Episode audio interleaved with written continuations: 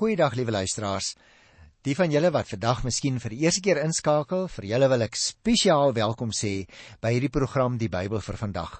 Ons is eintlik besig om die Bybel deur te werk van Genesis tot Openbaring. Terwyl van afwisseling doen ons soms een of twee boeke uit die Ou Testament en dan wissel ons dit af met 'n boek uit die Nuwe Testament. Nou op hierdie stadium is ons by 1 Korintiërs en om die waarheid te sê, ons sal binne 'n paar programme klaar wees daarmee. Vandag is ons by 1 Korintiërs die 12de hoofstuk. En ek wil ook vir jou uitnooi as jy vir die eerste keer inskakel, nie net om gereeld in te skakel by ons program nie, maar ook om vir ons voorbereiding te doen vir my wat die aanbieder is en ook ons hele produksiespan, ou Eberhard hier aan die ander kant van die glas en ook die mense wat die verpakking doen en wat ook die versending doen as u van die programme sou bestel. Uh hulle gee altyd die adres so u kan maar net luister voor aan die einde van die programme elke keer. Dit is ook vir my 'n voorreg dat ons mag gesels vandag oor 1 Korinte 12. Daarom wil ek uh, vir jou het ek vir jou genooi om te sê hou altyd jou Bybel oop. As jy kan, dan kan jy my baie maklik volg want ek gaan min of meer vers vir vers deur die hele Bybel. Dit is dus nie net 'n ligte geselsie nie. Ons is met redelik vaste spyse besig, hoewel ek probeer om dit so uh, gerieflik en maklik as moontlik aan te bied. Nou, ek sê dis 'n interessante en 'n belangrike gedeelte, 1 Korinte 12, want dit handel, soos die opskrif sê, oor die verskeidenheid van geestelike gawes. Dadelik wil ek sê, liewe luisteraar, hierdie onderwerp het nie net in die gemeente van Korinte nie, maar deur al die eeue ongelukkig daartoe aanleiding gegee omdat sekere groeperinge vir hulle self die reg toeëien en opeis om as vertrekpunt hê ons verstaan alles presies wat hier staan. En dan word daar baie sterk standpunte geformuleer oor die gawes van die Heilige Gees wat nie op dieselfde manier verstaan word deur ander Christen groeperinge nie. En dan lei dit ongelukkig soms tot spanning en selfverskeurdheid As jy vir my sou vra voordat ons dit nou begin behandel, uh hoe verstaan jy dit dan sou ek wou sê, liewe luisteraar, dit lyk vir my dat 'n mens hierdie gawes baie maklik kan verstaan as jy sou praat van mondgawes en daadgawes. Jy sien, die Here het vir sommige mense die vermoë gegee byvoorbeeld om maklik te getuig en te praat en te preek. Ander het weer gawes ontvang om meer konkrete dienswerk te doen soos iemand te help wat barmhartigheid nodig het of wat siek is en wat versorg moet word.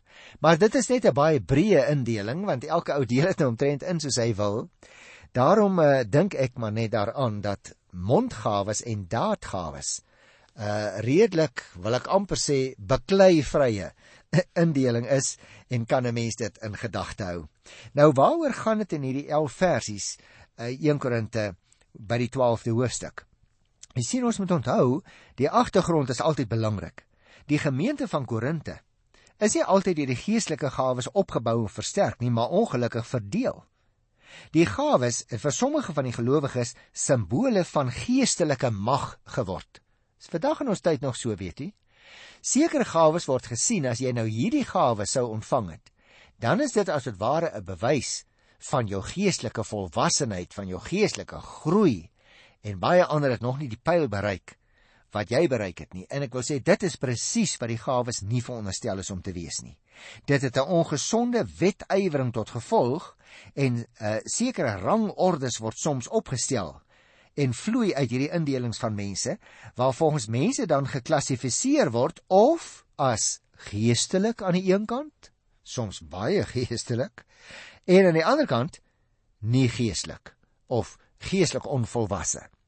Nou, so liewe luisteraar, het hulle juis die gawes gruwelik vir selfsugtige gewin misbruik. Want die doel met die gawes van die Heilige Gees is slegs om die kerk op te bou, nooit om dit af te breek of te verdeel nie. Kom ek sê dit heel duidelik in gewone Afrikaans vir jou. As die gawes van die Heilige Gees in die kring waar jy is, verdeeltyd saai, dan moet jy weet daar's 'n misbruik van die gawes. Want die Heilige Gees verdeel nooit mense, verdeel nooit gemeentes nie. Die Heilige Gees bind saam. Die Heilige Gees bind sonder mense wat gered is saam rondom die persoon van Jesus Christus. En dit lyk vir my een van die belangrikste take tussen hakies van die Heilige Gees om sondaars te oortuig van sonde en geregtigheid en oordeel, soos die Here Jesus gesê het in Johannes 14. En die Heilige Gees bind dan mense rondom die persoon van Jesus Christus. Hy is in die sentrum.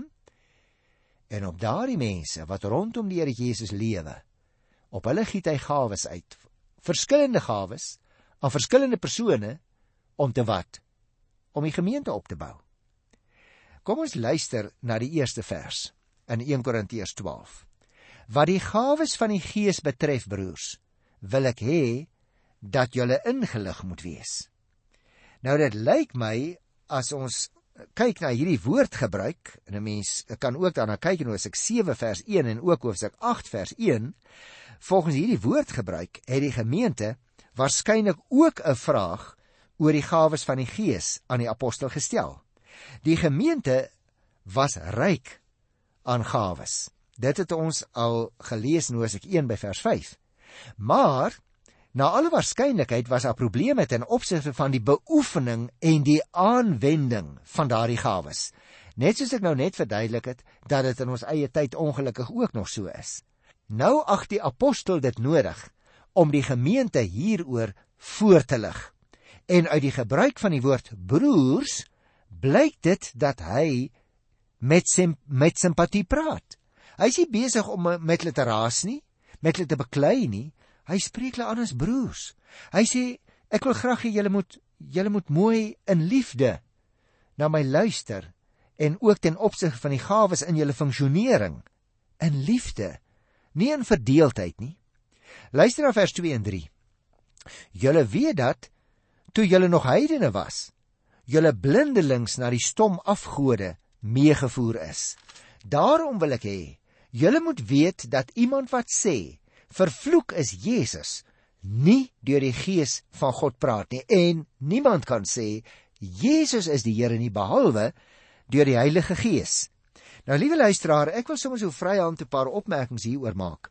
En weer eens vir jou sê hoe belangrik is die agtergrond van die Bybel om te kan verstaan waarom soms sekere goed gesê word. Jy sien, in die groot Romeinse ryk van daardie uh, tyd moes elke Romeinse burger een keer 'n jaar sê: "Die keiser is die Here." Maar toe kom die Christendom nou na vore. En daar kom Christelike gemeentes tot stand. En nou sê die Christene: "Maar Jesus is die Here." En daarom is die wetgewing verander en moes al die Romeinse burgers een keer 'n jaar sê: "Die keiser is die Here en Jesus is 'n vervloeking." En dit was natuurlik 'n geweldige probleem vir die Christene. Mense kan dit verstaan. En nou sê die apostel dat niemand wat sê vervloek is Jesus deur die gees van God praat nie.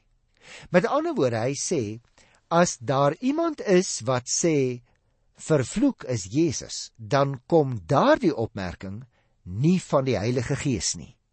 Nou let op wat sê hy nou. En niemand kan sê Jesus is die Here nie behalwe deur die Heilige Gees. Paulus stel dus een belangrike waarmerk vir wie Christen is of nie. En is 'n geweldige belangrike ding waaroor ons nou praat, liewe luisteraar. Hy sê hy gaan praat oor die gawes, maar voordat hy oor die gawes praat, sê hy: "Wie julle wat is die kenmerk van 'n Christen?" Die kenmerk is as daardie persoon sê Jesus is die Here. Paulus sê dan jy weet hy's 'n Christen, want niemand kan sê Jesus is die Here nie behalwe deur die Heilige Gees. Weereens waarmee ek net in begin het ook vir jou gesê het, dit gaan nie oor die gawes nie. Dit gaan oor die Here Jesus Christus wat in die sentrum staan. En deur sy Gees gee hy gawes soos hy wil. Ons gaan dit net nou lees. En die mees uitstaande kenmerk van 'n Christen is nie watter gawe jy ontvang het nie, want die Here besluit daaroor. Selfs nie hoe jy jou gawe beoefen nie. Maar die uitstaande vraag is: glo jy in Jesus Christus? As jou antwoord ja is, Paulus sê, dan weet jy jy het ook die Heilige Gees, want niemand kan sê Jesus is die Here nie behalwe deur die Heilige Gees. Met ander woorde, liewe luisteraar, by die beoordeling van die gawes moet hulle egter nie vergeet nie dat hulle vroeër heidene was wat maklik tot hysteriese ekstase opgesweep is en dat die heidense invloed nou ook nog sy nawerking by sommige van hulle kan hê. Om te weet of iemand deur die gees van God gedrywe word moet hulle steeds hierdie een toets aan lê iemand wat in sy ekstase of wanneer hy ongewone taal of klank gebruik vir Jesus 'n vervloeking noem word nie deur die gees van God gelei nie. En aan die ander kant, alleen hy wat deur die gees gelei word, alleen so 'n persoon kan vir Jesus Here noem. Wonderlike beginsel wat hy vir ons ook in ons tyd hier onderstreep. Kom ek lees nou 1 Korinte 12 vers 4 tot by vers 6. Daar is 'n verskeidenheid van genadegawes, maar dit is dieselfde Gees wat dit gee. Daar is 'n verskeidenheid van bedieninge, maar dit is dieselfde Here wat die opdrag gee. Daar is 'n verskeidenheid van kragtige werkinge, maar dit is dieselfde God wat alles in almal tot stand bring. Jy en ek moet weet nie een van ons is soos die ander een nie. Ons is verskillende mense. Daar is 'n verskeidenheid van persoonlikhede. Nou sê die apostel, daar is ook 'n verskeidenheid van genadegawes. Hy sê dit is so. Maar wie julle wat moet julle onthou? Dit is dieselfde Gees wat dit gee. En nou gaan hy aan, hy brei uit dat ons dit goed moet verstaan, net soos wat hy gehad het die ouens aan Korinte wat Christene is, moes dit goed verstaan. Hy sê daar's 'n verskeidenheid van bedieninge. Maar dit is dieselfde Here wat die opdrag gee. Daar is 'n verskeidenheid van kragtige werkinge, maar dit is dieselfde God wat alles en almal tot stand bring. Dit is dus belangrik, liewe luisteraars, dat ons nie mag fokus op ons as individue nie. Ons mag ook nie fokus op ons gawes wat ons meen so wonderlik is nie. Ons moet onthou, dit kom alles van die Here. Hy sê die Heilige Gees gee aan mense gawes en bedieninge en take Hoekom? Om die gemeente van die Here tot sy eer te dien. En nou hierna gaan hy nege verskillende gawes noem. Ek gaan nou nie elkeen afsonderlik behandel nie want ons het nie tyd nie. Maar jy moet oplet. Al die gawes kom van een Gees af. En daarom mag sommige gawes nie bo ander gawes verhef word nie, sê die apostel. Hy sê duidelik hier in vers 4 tot 6 dat hulle moet weet dat daar 'n verskeidenheid is van genadegawes, van bedieninge, van werkinge, maar al daardie gawes en werkinge het hulle oorsprong in die heilige drie-eenheid, die Gees, die Here Jesus, die Vader. Hy sê alles waartoe die gelowige in staat is, gaan van God uit en nie net sekere gawes of sekere werkinge of sekere bedieninge nie. Nou luister na vers 7 tot by vers 10. Aan elkeen afsonderlik word 'n werking van die Gees gegee, luister nou mooi, tot voordeel van almal. Aan die een word die Gees die gawe gee gegee om 'n woord van wysheid te praat, aan 'n ander 'n woord van kennis deur dieselfde Gees, aan een geloof deur dieselfde Gees, aan 'n ander genadegawes van gesondmaking deur die een Gees, aan die een gee hy die krag om wonders te doen, aan 'n ander die gawe om te profeteer, aan nog 'n ander die gawe om tussen die geeste te onderskei. Aan nog een gee hy die gawe om ongewone tale of klanke te gebruik en aan 'n ander om dit uit te lê. Dit is dus baie belangrik wat ons hier sien dat die Heilige Gees die gawes gee aan die gelowiges nie soos ons wil nie maar soos hy wil hy sê alle christene het geloof in Christus dit is egter sommiges wat in besonder die geestelike gawe van geloof ontvang het. Nou wat sou dit beteken, geloof, uh, luisteraar? Dit dui op 'n onwrikbare vertroue in die krag van die Heilige Gees. Juis ook om dit te doen wat vir die mens onmoontlik lyk. Daarom moenie jou meerderwaardig ag as jy 'n sterk geloof het en dit vir jou maklik is om die Here te vertrou nie. Liewe luisteraar, dit is ook 'n gawe wat die Here jou gegee het. Moenie sommer na iemand anders kyk wat sê, "Oeg, dit is my verskriklik moeilik om hierdie ding te glo." Dalk moet daardie ou nog ontwikkel in die geloof. Dalk het hy nie die spesifieke gawe van 'n sterk geloof ontvang nie. Jy moet onthou, liewe luisteraar, die Bybel leer nêrens 'n mens word gered as jy sterk kan glo nie. Al wat die Bybel sê is ons moet in Christus glo en dan word ons gered. Daar word nie onderskei tussen kwaliteit gelowiges asof die wat die gawe van geloof ontvang het beter gelowiges is as ander nie. Jy sien die Heilige Gees skenk aan elke gelowige 'n gawe of soms aan sommige gelowiges het verskillende gawes of wat hy noem werkinge met die doel om die gemeente daarmee te dien. Jy moet jouself afvra, die gawe of gawes wat die Here my gegee het, dit is nommer 1 'n genadegawe.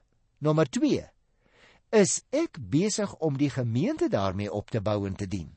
Want jy sien as jy nie besig is om die gemeente op te bou en te dien nie, maar jy loop rond en praat oor jou gawe en jy beoefen jou gawe en jy saai tweedrag, dan is jy ontrou aan die bedoeling waarmee die Here die gawe vir jou gegee het. Dus, gaan kyk gerus weer 'n keer op jou eie na hierdie 9 gawes. Ek gaan so een of twee opmerkingies net maak, algemene opmerkings. Jy sien 'n woord van wysheid wat hier genoem word, moet volgens uh hoofstuk 1 in vers 18 en 19, gaan kyk, daar sê jy dit ook kry 1 vers 18 en 19. Daar volgens moet 'n woord van wysheid gesien word as die vermoë om die geopenbaarde heilswaarheid in sy verband en betekenis te verstaan. Met ander woorde, daar is mense wat hierdie gawe in 'n besondere sin ontvang het. 'n Woord van wysheid, met ander woorde, om in staat te wees om die woord van die Here op 'n bepaalde situasie en in 'n sekere omstandigheid op 'n verstaanbare manier toepaslik te maak. Dit is belangrik dat daar leraars is. Maar as ek uit die kerk sou kom of uit die erediens of uit 'n gesprek en ek sou sê die leraar het wonderlik gepraat. Ek het niks verstaan nie. Dan was dit nie tot opbou van my geloof nie. Daarom moet ons versigtig wees dat ons die eenvoudige getuienis van 'n doodgewone gelowige soms van die tafel wil vee. Want daardie persoon het dalk 'n woord van wysheid ontvang. Behoort ons so 'n persoon ook in die erediens plek te gee om die woord van wysheid as daar onduidelikheid is oor iets in die gemeente. As daar 'n moeilike skrifwoord is, kan ons dalk hierdie woord van wysheid wat iemand van die Here ontvang het, geleentheid gee om ook daarna te luister. Met ander woorde, ons moet oppas vir 'n erediens selfs waar alles 'n monoloog is. Waar die leraar of die pastoor as dit ware gesien word as 'n professionele gelowige, as 'n betaalde gelowige. Hy of sy is nie die enigste wat woorde van wysheid van die Here ontvang nie, liewe luisteraar. Die Heilige Gees gee dit dan, so staan dit duidelik, aan elkeen soos hy wil. Jy sien om historiese heilfeite byvoorbeeld oor te dra. Dit wil sê om onderrig te gee. Daarvoor is die gawe van kennis nodig. Jy sien dit in die katekese. As jy baie kennis het van die woord van die Here, hoekom gaan jy nie katekese nie? Met geloof weer byvoorbeeld word die wonderwerkende geloof bedoel. Gaan kyk byvoorbeeld te Matteus 17 vers 20. Met ander woorde dat daar mense is wat werklik die gawe van die Here ontvang het om so vas te hou aan 'n belofte van die Here dat dit 'n wonderwerk tot gevolg kan hê. Dis my interessant hier die meervoud genadegawes van gesondmaking.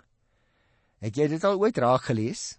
Dit is die enigste van die nege gawes wat genoem word hier as ander gawes ook en ander lyste natuurlik. Maar hier word nege gawes genoem, maar is net van gesondmaking wat daar in die meervoud gesê word genadegawes van gesondmaking. Nou wat beteken dit? Dit lyk vir my, liewe luisteraar, dit kan of beteken dat die persoon nie die gawe as 'n permanente gawe besit nie, maar dat die eis van omstandighede ontvang het. Mag ek in beskeidenheid sê en ek bring die Here die eer daarvoor dat ek mense in my bediening gehad het vir wie ek gebid het vir wie die Here in daardie oomblik genees het. Maar ek kan nie deurgaan, liewe luisteraar, as iemand wat 'n geloofsgeneeser is nie. Want ek het daardie gawe nog net by geleentheid ontvang. So dit is een interpretasie daarvan. Of dit kan ook beteken dat die gawe gegee word volgens die verskillende siektes of kwale. Met ander woorde, dat die gawe op 'n meer permanente basis soms aan iemand gegee word. Daar is dan ook die gawe om wonders te doen staan hier benewens die gawe om God se boodskap te verkondig. Dit is nie alle leraars wat noodwendig die gawe ontvang het om God se boodskap te ontvang in die prediking nie. Maar daardie persoon het miskien die gawe ontvang om juis in 'n kleiner gespreksituasie in die pastoraat die woord van die Here op 'n besondere manier te bedien. Daarom is in sekere sin vir alles daar nou verskillende leraars in 'n gemeente is, 'n onreg wat jy aan 'n leraar kan doen of 'n pastoor om te sê hy moet preek want hy is 'n pastoor of 'n leraar, hy of sy. Dis nie noodwendig so nie. Jy sien, hierdie gawe word deur Paulus baie hoog aangeslaan. Gaan kyk maar in Hosea 14 vers 1 of Romeine 12 vers 6 ook. En dit bestaan daarin dat die wil van God ten opsigte van verlede en hede en toekoms vertolk moet word. Dat mense vermaan moet word. Dat mense vertroos moet word. Al hierdie goed is verskillende gawes. Saam met die gawe dus om God se boodskap te verkondig, was in daardie tyd die onderskeid gemaak van geeste. Omdat die spreker nog nie die geskrewe Nuwe Testament gehad het nie. Die gawe byvoorbeeld om ongewone tale of klanke te gebruik, hou nie noodwendig verband met die praat van bekende tale, soos die in Handelinge 2 vers 4 nie. Dit is eerder die uiting van ongewone klanke in 'n toestand van geestesvervoering. Nou skryf iemand my 'n brief en vra: "Is hierdie ongewone tale? Kan dit nog deur iemand gespreek word?" Maar natuurlik, liewe luisteraar, as die Heilige Gees dit aan iemand gee, wie is jy en ek om te sê dit kan nie gebeur nie? Iemand vra: Is dit soms nodig om dit uit te lê? Natuurlik, die Bybel sê dit dan. Jy sien, luisteraar, as ons 'n streep trek onder sekere van hierdie gawes en sê dit kan nie meer voorkom nie, dan praat ons wat ek sou noem van 'n streepteologie. Dan trek ons 'n streep onder sekere goed en sê dit het net voorgekom in byvoorbeeld die apostoliese tyd. In die tyd van die Nuwe Testament of in die tyd van hervormers. Dan trek ons 'n streep in die geskiedenis en ons sê na daai tyd kan dit nie gebeur nie. Die Bybel sê dit nie sommige mense sê gebruik die beeld en sê as jy die kerk van die Here Jesus vergelyk met 'n geestelike gebou dan moet jy sekere van die gawes sien as die steierwerk wat opgerig is om die kerk tot stand te bring, maar nadat die kerk gestig is na die apostoliese tyd, het die steierwerk weggeval, kom sekere gawes nie meer voor nie. Liewe luisteraars, in alle beskeidenheid meen ek, dit is nie wat die Bybel sê nie. Die Heilige Gees kan in enige tyd onder enige omstandigheid aan enige van God se kinders 'n spesifieke gawe gee wat hy of sy van tevore nie gehad het nie. Daarom moet ons in groot beskeidenheid oor hierdie goed praat en nie maak asof ons die volle en die finale waarheid het nie. Ek wil afsluit met die 11de vers hier by 1 Korintiërs 12. Maar al hierdie dinge is die werk van een en dieselfde Gees wat aan elkeen afsonderlik 'n gawe uitdeel soos hy wil. Ek lees dit spesifiek stakato want ek wil hê jy moet dit weer gaan lees in die Bybel as jy nie nou een by jou het nie. 1 Korintiërs 12 vers 11. Die gawes kom almal van die Heilige Gees. Daar is nie belangriker en minder belangrike gawes nie. Daar is nie gewone en buitengewone gawes nie. Daar is net gawes wat van die Heilige Gees kom wat aan elkeen uitdeel soos hy wil. Ek gesels nou die aand met iemand en hy sê vir my nee maar dominee, ek het geen uh gawe ontvang nie. Dit is nie waar nie. Dit is nie wat die Bybel sê nie. Daarom moet ons versigtig wees om agter ons eie luiheid te skuil. Nie ons gawes te wil beoefen nie, niks in die gemeente te wil doen nie en rustig te sê ek het nie 'n gawe ontvang nie. Jy sien wat onthou moet word is dat al die gawes van die een Gees kom. Daarom is die besit en die gebruik van 'n gawe of gawes nooit 'n prestasie van die ontvanger nie en moet die een nooit bo die ander verhef word nie. Ek groet jou in die wonderlike naam van Jesus Christus wat deur sy gees ook aan jou gawes gegee het. Tot volgende keer. Tot dan. Totsiens.